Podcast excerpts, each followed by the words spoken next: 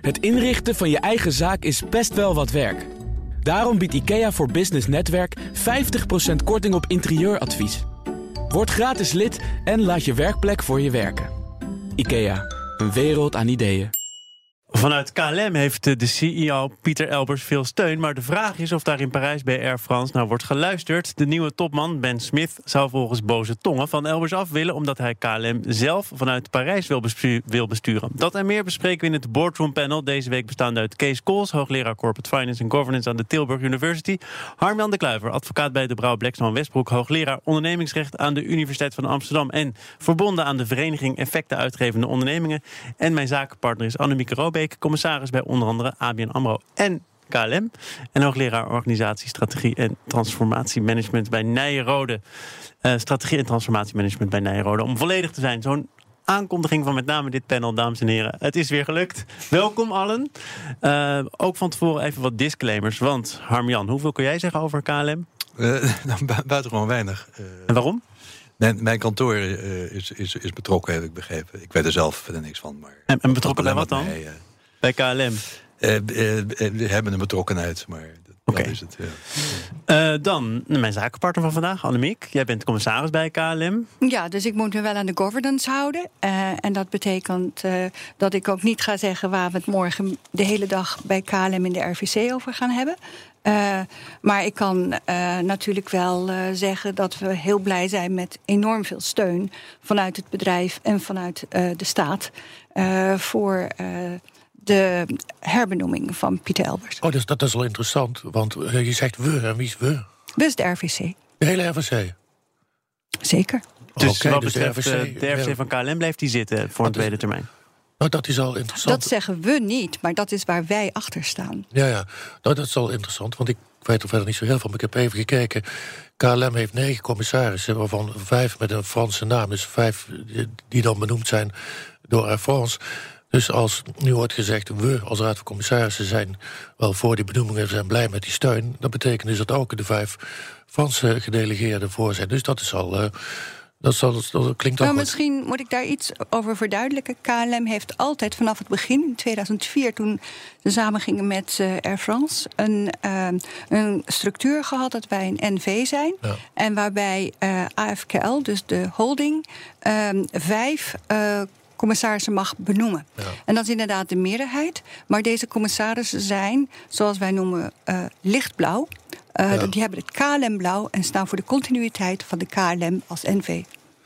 Ja, maar, maar uh, blauw is toevallig ook de kleur van Frankrijk, Le Bleu. Is een andere kleur blauw? Ja. nee, maar serieus, kijk, ze zijn wel. Ik snap wel dat ze officieel onafhankelijk zijn. Maar ze zijn wel uh, uiteindelijk voorgedragen of benoemd uh, door Air France. Dus nou ja, dat is natuurlijk in de hoop dat ze. Met maar ik kan u met, de, met de, mijn, uh, hart, uh, met mijn hand op mijn hart zeggen dat onze Franse collega's. Ja. met ons de rij hebben gesloten. Ja, ja. Nou, oké. dat, dat... Maar goed, als die rij zich sluit, dan is dat dus een rij die zich sluit voor herbenoeming. Ja. Dat is natuurlijk ook de insteek die wij hebben. En uh, uh, wij zien ook niet dat met het succes wat afgelopen jaren geboekt is, uh, met de transformatie binnen KLM, samen met medewerkers, met alle geledingen, RVC, medewerkers, ondernemingsraad en de vakbonden, dat we dat resultaat hebben bereikt onder leiding van Pieter Elbers. Ja, met een heldere strategie. En die is uitgevoerd. Ja, dat is ook zo. Maar los, los van het resultaat, wat natuurlijk wel belangrijk is. Kijk, het, is een huwelijk sinds 2004 en het is altijd een zeer ongelukkig huwelijk geweest. Die integratie die heeft uh, nooit echt gewerkt. Dat was echt, in het begin ben ik er nog een beetje bij geweest, was water en vuur. Uh, en het in zekere zin. Uh, en het was ook een ingewikkelde constructie, omdat ook afgesproken is dat de beide maatschappijen in zekere zin zelfstandig blijven. Met eigen landingsrechten enzovoort. Is ook cruciaal natuurlijk voor KLM. Dus het is ook een. Het is weliswaar een, geen joint venture, maar het is, het is een soort uh, latrelatie. Als je kijkt naar hoe die bedrijven worden aangestuurd. en ik denk dat we hier dan iets te veel terrein opgaan waar jij je nog niet in wil mengen. maar is het dan niet heel logisch dat meneer Smith zegt: ik wil meer controle in Parijs hebben? Nou kijk, het is in zoverre logisch dat elke baas wil altijd de baas zijn. Dus meneer Smit die wil dat ook. Alleen de realiteit is twee dingen. Op zijn minst één, het is afgesproken dat, zo, dat dit de constructie zou zijn. En dat is een constructie. Eh, wat Van der net ook al zegt, die tot nu toe veel geld heeft opgeleverd voor, voor de combinatie, dus ook voor Air France. Uh, dus dat is nou eenmaal de constructie. En bovendien, los van de afspraak, het is ook belangrijk dat KLM bepaalde zelfstandigheid houdt, gezien niet alleen het succes, maar, maar ook de landingsrechten. Uh, enzovoort. Maar het, is toch wel ingewikkeld. Aan de ene kant is meneer Smit de baas van de, van, van, van de hele club. En tegelijkertijd heeft hij, althans via die commissarissen, niks te zeggen over meneer Elbers zelf in zijn functie. Maar goed, meneer Elbers zit wel in het, in het bestuur van, of in de executive committee van Air France KLM. Dus daar is, hij dan, daar is meneer Smit dan weer wel zijn baas. Dus het is, uh, Annemiek, wat, wat vind je ervan dat meneer Smith gisteren, meen ik, in Nederland was voor een bezoek aan de pilotenvakbond? Ja, dat was een al eerder gepland. Uh, Zeer geheim bezoek. Geheim bezoek. Met foto's in de krant. Um, en je kunt je afvragen of dat slim is uh, van de twee verschillende partijen. Um, Want die pilotenvakbond is voor de goede orde ook nog weer aandeelhouder van KLM. Ja, die hebben een, een heel klein aandeel. Dat is een, een, deel van een paar jaar geleden geweest. Um, maar het is niet zo dat daardoor een wig uh, gedreven is. Omdat juist ook de VNV een heel helder communiqué heeft uitgegeven. Waarin staat dat zij juist ook voor de continuïteit van KLM gaan. En juist ook die zelfstandigheid heel erg benadrukken. Omdat, en dat is misschien wel van belang. Ik ben zelf vroeger ook eh, stewardess geweest. Hè, dus ik ken het vak ook van binnenuit. Um, maar wat van belang is, is dat je ziet dat het hele operationele bedrijven zijn. Uh, die toch uh, heel veel dingen samen kunnen doen. Hè? Maar tegelijkertijd is het ook heel goed om uh, dingen vanuit je eigen klanten, vanuit je eigen cultuur, vanuit je eigen stijl te doen. En er is een groot verschil in de stijl. Wanneer weten we hier meer over? Nou, we hebben aanstaande maandag hebben we, komt het besluit naar buiten vanuit de Nederlandse RVC. En we hebben van de week ook het besluit vanuit de AFKL. Maar ja, kijk, de, de tekst in het begin was heel duidelijk. De rijen zijn gesloten als het over dit punt gaat binnen de Raad van Commissarissen. Dus nou ja, er kan maar één ding uitkomen. Voor de mensen die BNR luisteren, die zijn altijd goed op de hoogte. Laten we het maar daarop houden. Dan gaan we naar een ander uh, opvallend verhaal. De belangrijkste Britse Brexit-onderhandelaar heeft iets te hard gepraat in de bar van zijn hotel in Brussel. Een journalist van ITV News hoorde hem zeggen dat een hard Brexit een dreigement van May is. En dat is bluff. Dat is allemaal hoog spel, maar er komt uiteindelijk in de praktijk weinig van terecht. Zegt dus deze onderhandelaar. Harmjan, je bent er nog. Fijn. Hoe kan dit toch? Je hebt zo'n belangrijke positie. Je wordt een beetje aangeschoten aan de bar. Je wordt een beetje uitgedaagd om iets te zeggen. Is dat wat er gebeurt? Ik, ik weet het niet. Ik heb het, niet, ik heb het alleen maar uit, uh, uit, uit, de krant uh, gezien. Het is op zichzelf wel ja, curieus natuurlijk dat dat gebeurt. Dat gebeurt wel vaker. Mensen, mensen zijn betrekkelijk loslipper. Uh, ik weet niet of dat nou in dit geval. Uh, ik vond je bij KLM vrij, uh, vrij vasthoudend aan je standpunt weinig te zeggen. Ja, er zijn ook uitzonderingen. natuurlijk, zoals, zoals ondergetekende. Nee, maar in, alle, alle terzijde. Je, je, je, ziet dat, je ziet dat af en toe. ik kan me herinneren bijvoorbeeld. wat mensen ook wel regelmatig doen, is dat ze naar buiten lopen met hun, hun bloknoot met daarop aantekeningen. En die houden ze dan in de richting van uh, de pers, zou ik maar zeggen. Nou, die zoomen daarop in en die weten dan wat er staat. Zo'n geval heeft ze een keer voorgedaan met Fortis. Uh, er was onlangs ook een situatie waar de adviseur, de veiligheidsadviseur van, van, van Trump... met een blaadje naar buiten kwam waarop stond 5000 soldaten naar Colombia. En dat kan dus al niet meer? Ja, maar dat brengt me dan op het volgende punt. Waar ligt nou de grens tussen wat je wil laten zien en wat je niet wil laten zien? Uh, dus daar. Uh, oh, je denkt dat het nog opzet kan zijn ook? Nou, dat, dat weet ik niet. Uh, Kees heeft daar, heeft daar een, een, meer uitgewerkte theorie over. Maar het, het, je kan niet zonder meer aannemen dat het ehm, alleen maar een vergissing is, denk ik. Een uitgewerkte theorie, daar ben ik wel benieuwd naar. Ja, kijk, dit is een zeer. Dit is, hij wordt wel. Ik, ik las ergens dat hij ook wel eens de, de belangrijkste man in Londen wordt genoemd op dit moment... in het kader ook van, van de brexit. Een paar dingen. Eén is, sommigen zijn het al vergeten... maar mevrouw May die was tegen de brexit. Destijds bij het referendum was zij tegen de brexit. Dat één. Twee, deze meneer is zeer ervaren... en zijn bijnaam in Londen is Rasputin. Dimitri Rasputin. En waarom? Omdat hij een heel geheimzinnig, mysterieus meneer is... althans in zijn manier van opereren. Uh, zo iemand maakt zo'n fout niet. Die kan zo'n fout niet maken. En als je Rasputin bent, dan is er maar één verklaring aan jouw baas... die is eigenlijk tegen brexit. Dan heb je het expres uh, gedaan. En wat heeft dat dan voor effect? Dat heeft voor effect dat dat nu, terwijl May zegt... ja, het is of mijn deal of een harde brexit... hij heeft nu laten doorschemeren dat het helemaal niet zo is. Dus er wordt tegen de deal gestemd, het wordt uitgesteld... en dan komen er straks komt een nieuwe ronde en dan gaat de brexit niet door. Dus dit is gewoon een, is gewoon een opzetje, dat kan niet anders... tenzij die dronken was of onder de druk zat. Of een narcist. Nee, maar dan, had je, dan, dan ben je zo ver niet gekomen. Dan ben je zo Hmm, niet, die komen juist altijd heel ver. Ik zie ze heel veel.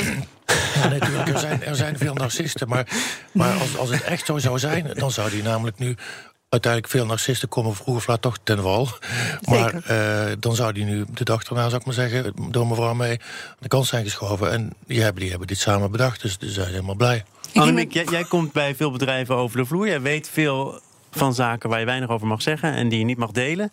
Zijn er protocollen voor? Zijn de afspraken de afgelopen jaren strenger geworden of juist niet? Zeker. Eh, Kijk even bij ABN AMRO hoe streng we uh, met protocollen omgaan. We hebben van de week zelfs nog een awareness sessie over media gehad. Toch uh, fijn dat je hier bent. Toch fijn, hè? ja. ja. Uh, om, om, heel duidelijk te maken wat wel en wat niet uh, kan en uh, langs welke kanalen het moet.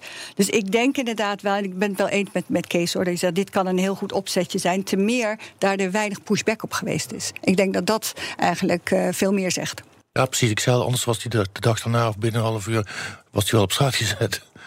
Nog even één uh, geheel wat ik uh, dan toch wel belangrijk vind om te zeggen. Jullie hebben daar een training voor gehad. Awareness, media, hoe moet je daarmee omgaan? Tegelijkertijd wordt er vaak gezegd... transparantie is voor bedrijven belangrijk. Commissarissen moeten goed aangeven wat er wel en niet besproken wordt. Waar zit dat evenwicht?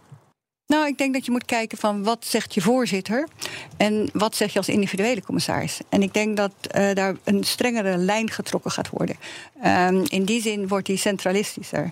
Uh, dat de voorzitter uh, steeds vaker de regierol daar echt inneemt. En dat we dat veel meer in overleg eerst naar boven en dan naar buiten doen.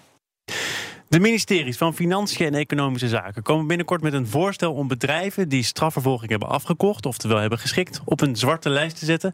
Bericht daarover deze week in het FD. Harmjan, ik begin bij jou. Is dit een goed plan? Nou ja, of het een goed plan is, dat, uh, dat, uh, daar, daar, kan je, daar kan je twijfels over. Laat ik beginnen met uh, de vraag of het, of het haalbaar zou, zou kunnen zijn. Uh, daar zitten nog wel een aantal lastigheden. Uh, je kan niet zomaar, omdat je denkt, nou, die, die, iemand staat me niet aan, zeggen, jij mag niet meedoen bij dit soort, bij dit soort opdrachten. Ja, maar de grond is duidelijk, er is geschikt en dat zou een criterium kunnen zijn, toch? Het is niet, jij staat me niet aan. Ja, maar dat, de, de, de, je zegt al, er is geschikt, dus daarmee is de zaak afgedaan. Uh, iemand heeft een keer door rood licht gereden, heeft daarvoor betaald. Uh, dat is het dan. Je straft iemand dan, voor hetzelfde vergrijp voor de tweede keer? Ja, dat doe je dan, doe je dan uh, voor de tweede keer. En je doet dat natuurlijk in een civielrechtelijke context...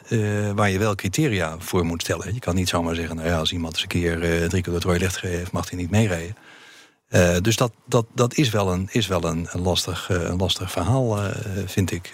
Annemiek, ik zie bedenkingen bij jou. Nou ja, op papier oké, maar ik denk dat je het maatschappelijk ressentiment uh, mee moet nemen. En dan uh, zie je wel dat dit om vaak hele grote zaken gaat die uh, op die strafvervolging, waar strafvervolging afgekocht wordt. En ik denk dat, um, ook al kun je het zeggen van nou, het proces is goed gelopen, papa, papa.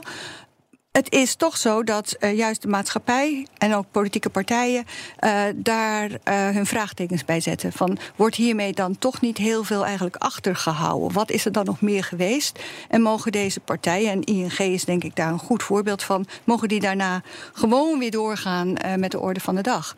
En, maar gewoon, en, ze hebben toch geschikt, ze hebben toch boete gedaan eigenlijk? Ja, maar is dat zeg maar een schikking voor een topje van de ijsberg of is dat een schikking voor een hele zaak? Op de eerste plaats, volgens mij zijn er twee soorten schikking op zijn minst. Eén is een schikking waarbij de partij geen schuld bekent, maar die wil gewoon, die wil gewoon vanaf. Wil gewoon door. Uh, maar in dit geval is het een schikking waarbij ook heel duidelijk schuld bekend is. Hè. Dus er is geen. geen uh, bij ING althans, er is, is geen vraag over de schuldvraag. Um, Uh, ja, en los daarvan, wat Harm zegt, ja, hij is jurist, dus dan krijg je zo'n juridisch antwoord. Maar waar het, waar het uiteindelijk gaat natuurlijk, is om de reputatie. De reputatie van partijen, en dat kan te maken hebben met schikkingen uh, of met andere zaken. Dat is natuurlijk een heel belangrijke reële factor in het civielrecht, maar zeker in het gewone mensenleven en ook in het zaken doen. Ja, dus in die zin. Maar het is toch heel goed dat een jurist kijkt naar de wet en of het allemaal haalbaar is? Nee, dat is goed. Los van de reputatie en de waan van de nee, dag. Maar, nee, dat is ook goed, maar daarom is er ook nog een andere, moet, er, moet er ook nog een ander geluid, geluid Ja, zijn. Maar wat is dan de andere maar kant? Ik heb, hè? maar, ik heb, maar, maar ik heb nog een, een ander punt hierbij. Waarom ik er heel veel moeite mee heb, is wat ik noem de Pavlov-reflex reflex die er altijd is in de maatschappij en in de politiek. Als er maar even ergens iets misgaat, dan wordt meteen keihard aan de rem getrokken. Er komen meer regels, meer wetten, meer toezicht. En ik heb net een artikel ergens voor geschreven met als titel... Duivelse regelzucht en verstikkend toezicht. Dat is hier ook. In, in plaats van dat er van tevoren wordt nagedacht... stel dat zich iets, zoiets voordoet en het en dat kan zich voor. Wat gaan we dan doen? Nee, weer diezelfde Pavlov-reactie. En, en moet je je voorstellen. Maar dadelijk- er is hier net gekeken, volgens mij. gebeurt- Er zijn maar drie banken. Dadelijk gebeurt er iets met ABN Ja. AMRO. Gebeurt er iets met Rabo. Daar ben je al uitgepraat. Je moet dus ontzettend uitkijken in het algemeen... met dit soort reflexen. En dus eerst even goed nadenken. Harmjan, Nou ja, jij maar- wilde reageren. Nou ja, wat, wat ik er lastig aan vind is dat eh, op een gegeven moment de politiek dan gaat bepalen wat in het bedrijfsleven eh, geldt en, en wie wel of niet mee mag doen, los van, van wetten en regels. Dat is denk ik een kant waar je niet naartoe eh, zou willen. In ieder geval zou mij, zou mij dat zelf wel eh, nodige zorgen baren. En om nou rechtstreeks het sentiment te vertalen in dit soort beslissingen, eh, vind, ik, vind ik een zorgwekkende tendens. Maar ik denk, Harmjan, je gaf al in het begin aan... het gaat om de uitvoerbaarheid. En als we kijken waar er geschikt is... en met welke partijen... dan weten we ook dat het meteen heel erg lastig wordt... om dat ook ten uitvoer te brengen. Je bedoelt, er is geen alternatief. Wat Kees ook zegt. Voor, je kunt zeggen, we, we zetten ING op een eh, zwarte lijst. Dan hou je nog twee banken over die min of meer hetzelfde kunnen doen. Dus- Stel dat daar iets misgaat, dan eh, Dus heb in je de- het zitten. Ja, nee, dus in de praktijk zal het volgens mij heel weinig om het lijf hebben... voor deze bedrijven. Ja, kijk, en dat, dat is dan nog een heel pragmatisch argument in dit geval toevallig, omdat we maar drie banken hebben, drie grote banken. Maar, eh, maar mijn schikking, of wat dan ook, is maar een onderdeel. Wat ik zei, volgens mij, het gaat om de reputatie en de integriteit van, van een instelling. En dat heeft niet alleen maar te maken of er wel of niet een schikking is geweest. Dat zijn ook allerlei andere factoren die daarbij eh, een rol kunnen spelen. Dus vanuit, vanuit die optiek zou ik naar kijken. En dan vervolgens. Eh, ja, en uiteindelijk zijn Maar je hebt het over de Pavlov-reactie. Nou Ja. is er volgens mij meteen na dat schandaal gekeken... ook op instigatie van de oppositie naar... kunnen wij de banden met ING verbreken? Toch een Ja. bank waar we als staat veel mee te maken hebben. Bleek niet te kunnen. Nu komt er dus een voorstel om dat alsnog te doen. Dat is dan toch vrij logisch? Nee, maar dat was meteen een Pavlov-reactie. Want we moeten er vanaf van de ING. Nou, dat bleek dan niet zomaar te kunnen. Vervolgens is blijkbaar de politiek, of de minister in dit geval... is er nog eens over na gaan denken. Maar dit, dit is een Pavlov-reactie en er komen meer schikkingen eh, enzovoort. Je moet op een andere manier kijken naar, naar reputatie en integriteit van, van, van contractpartners van van de overheid in dit geval. Dan alleen maar om dit als maatstafje te nemen. Want dan krijg je daar ook weer andere incidenten met eh, waar toevallig geen schikking is, maar weet ik wat. Nee, dit is, geen, dit is een hellend vlak. Nou ja, en we- we hebben daar natuurlijk in Nederland met elkaar afgesproken dat we daar rechters voor hebben. Hè? Die, die kijken naar zo'n situatie. Eh, dit is een situatie en je zegt, nou, dat is dan misgegaan. Dan gaat het OM daarmee aan de slag. Die maken de beoordeling. Eh, moet dit voor de rechter komen of niet? Zeggen dan, nou ja, nee, we kunnen dit schikken. Eh, en dan gaat vervolgens gaat de, de politiek en de Tweede Kamer toch een beetje die, die, die rol van die rechter spelen. Dat vind ik wel eh, heel, heel gevaarlijk. Maar zou het ook kunnen ja. zijn dat de bedrijven zelf om schikking vragen? Want jij Ja, zegt nu zeker, dat het OM zeker. Maar- heeft... Ja, eh, nee, zeker. Maar uiteindelijk is het OM dat beslist, is dat, is dat proportioneel? Hè? Past dat in ons rechtsstelsel? Ja. Eh, ja, dan is het dat. Dan heeft, dan heeft een rechtelijke ambtenaar, zij het OM, heeft, heeft gesproken, heeft dat gedaan. En dan gaat nog eens een keer daar overheen. Gaat dan de politiek zeggen, ja, nou gaan wij eh, eh, ook nog eens een keer een rechtelijke oordeel geven. Dat is, dat is niet verstandig, vind ik. Die, Maar- die, die kant zou je niet op willen als, als samenleving. Ik ben geen jurist, maar volgens, ik staat ook niet in de wet ergens termen als goed huisvaderschap en de goede naam en faam als bekend staan, weet ik wat. Dus dat het, het feit, zeg maar, integriteit, goede naam en faam, dat soort dingen, dat die een rol spelen bij het uitzoeken van je contractpartners, dat is toch. De- Nou- dat is toch, dat lijkt me wel heel verstandig. Nou, zeg maar, maar het hele Know Your Customer gebeuren... waar honderden, duizenden mensen nu extra op eh, gezet worden in de bank... is natuurlijk ook een indirect eh, antwoord hierop. Dus Ja. het is inderdaad wat jij in het begin al zei, eh, eh, Kees. Eh, er wordt wel op gereageerd en er wordt ook constructief op gereageerd. Ja. En, en daar, hebben we, daar hebben we nou eenmaal een heel juridisch proces voor. En dat hebben we om te voorkomen dat op een gegeven moment een parlementariër denkt... nou, het is nuttig als ik wat stemmen Ja. werf door die of die Maar ik denk eh, dat ergens als- uit te rijden. Dat moeten, dat moeten we niet willen. Dat is echt heel Maar ik onverstandig. denk dat als de ING in dit geval had gedaan wat mijn promotor destijds eh, deed als hoogste baas van de Rabo, Piet Moerland. Die is per direct toen met de Libor-affaire opgestapt. Gaf daarmee een heel duidelijk signaal. Hij zei: Dit past niet bij de bank. En om te onderstrepen, ook al heb ik geen enkel betrokken gehad persoonlijk, eh, stap ik nu direct op. Was hij niet ook al bijna toe aan zijn pensioen? Ja, maar, maar, dan, maar dan nog, eh, een jaar of anderhalf jaar Nou, ik later. zeg het gewoon even voor de Ja, nee, volledigheid. nee, prima, maar dan nog, dan nog had, hij, had hij nog kunnen blijven zitten. Maar hij heeft onmiddellijk die consequentie getrokken. Ik denk dat als uh, jij het ook had gedaan... en daarmee een duidelijk signaal had gegeven... want dat is natuurlijk wel de vraag. Maar als dus- iets ja, maar toch, wat toch even, je? Kees. ING want heeft ik- dat gedaan. Ik, ik ben nu Nee, even, maar- nee, ben nu even de redenering kwijt. Jij zegt, eh, hè, als zo'n instituut zich schuldig heeft gemaakt aan dit soort eh, situaties, dan wordt het daarvoor beboet. Kan de bank niet meer eh, eh, Ja. eh, worden ingeschakeld. Maar als nou de topman af, aftreedt, dan weer wel. Nee, nee, Eh, nee, dat nee, dat, dat kan is- ik dan niet helemaal. Mijn, mijn punt is het... Kort laatste antwoord graag. De vraag is ook hoe je Oh, erop- toch weer een vraag. De vraag is ook, hoe, hoe, reageert een instelling daarop? Eh, Is het evident en heel duidelijk dat die instelling zegt... ja, we gaan hier alles aan doen om dat te voorkomen... en geven ook nog eens een heel duidelijk signaal... in dit geval met het vertrek met de topman. Dat is meer mijn punt. Dat maar, bij ING is de CFO ook afgetreden. Precies. Ten onrechte. Stond ook al Nu op wordt het de- interessant, maar nu gaan de de agenda, ja. lampjes van de microfoon uit, want dit panel is ten einde. Ik dank voor hun aanwezigheid. Kees Kools, Harmjan de Kluiver en mijn zakenpartner van vandaag, Annemiek Robeek. Tot de volgende keer. Als ondernemer hoef je niet te besparen op je werkplek. Want IKEA voor Business Netwerk biedt korting op verschillende IKEA-producten. Word gratis lid en laat je werkplek voor je werken. IKEA, een wereld aan ideeën.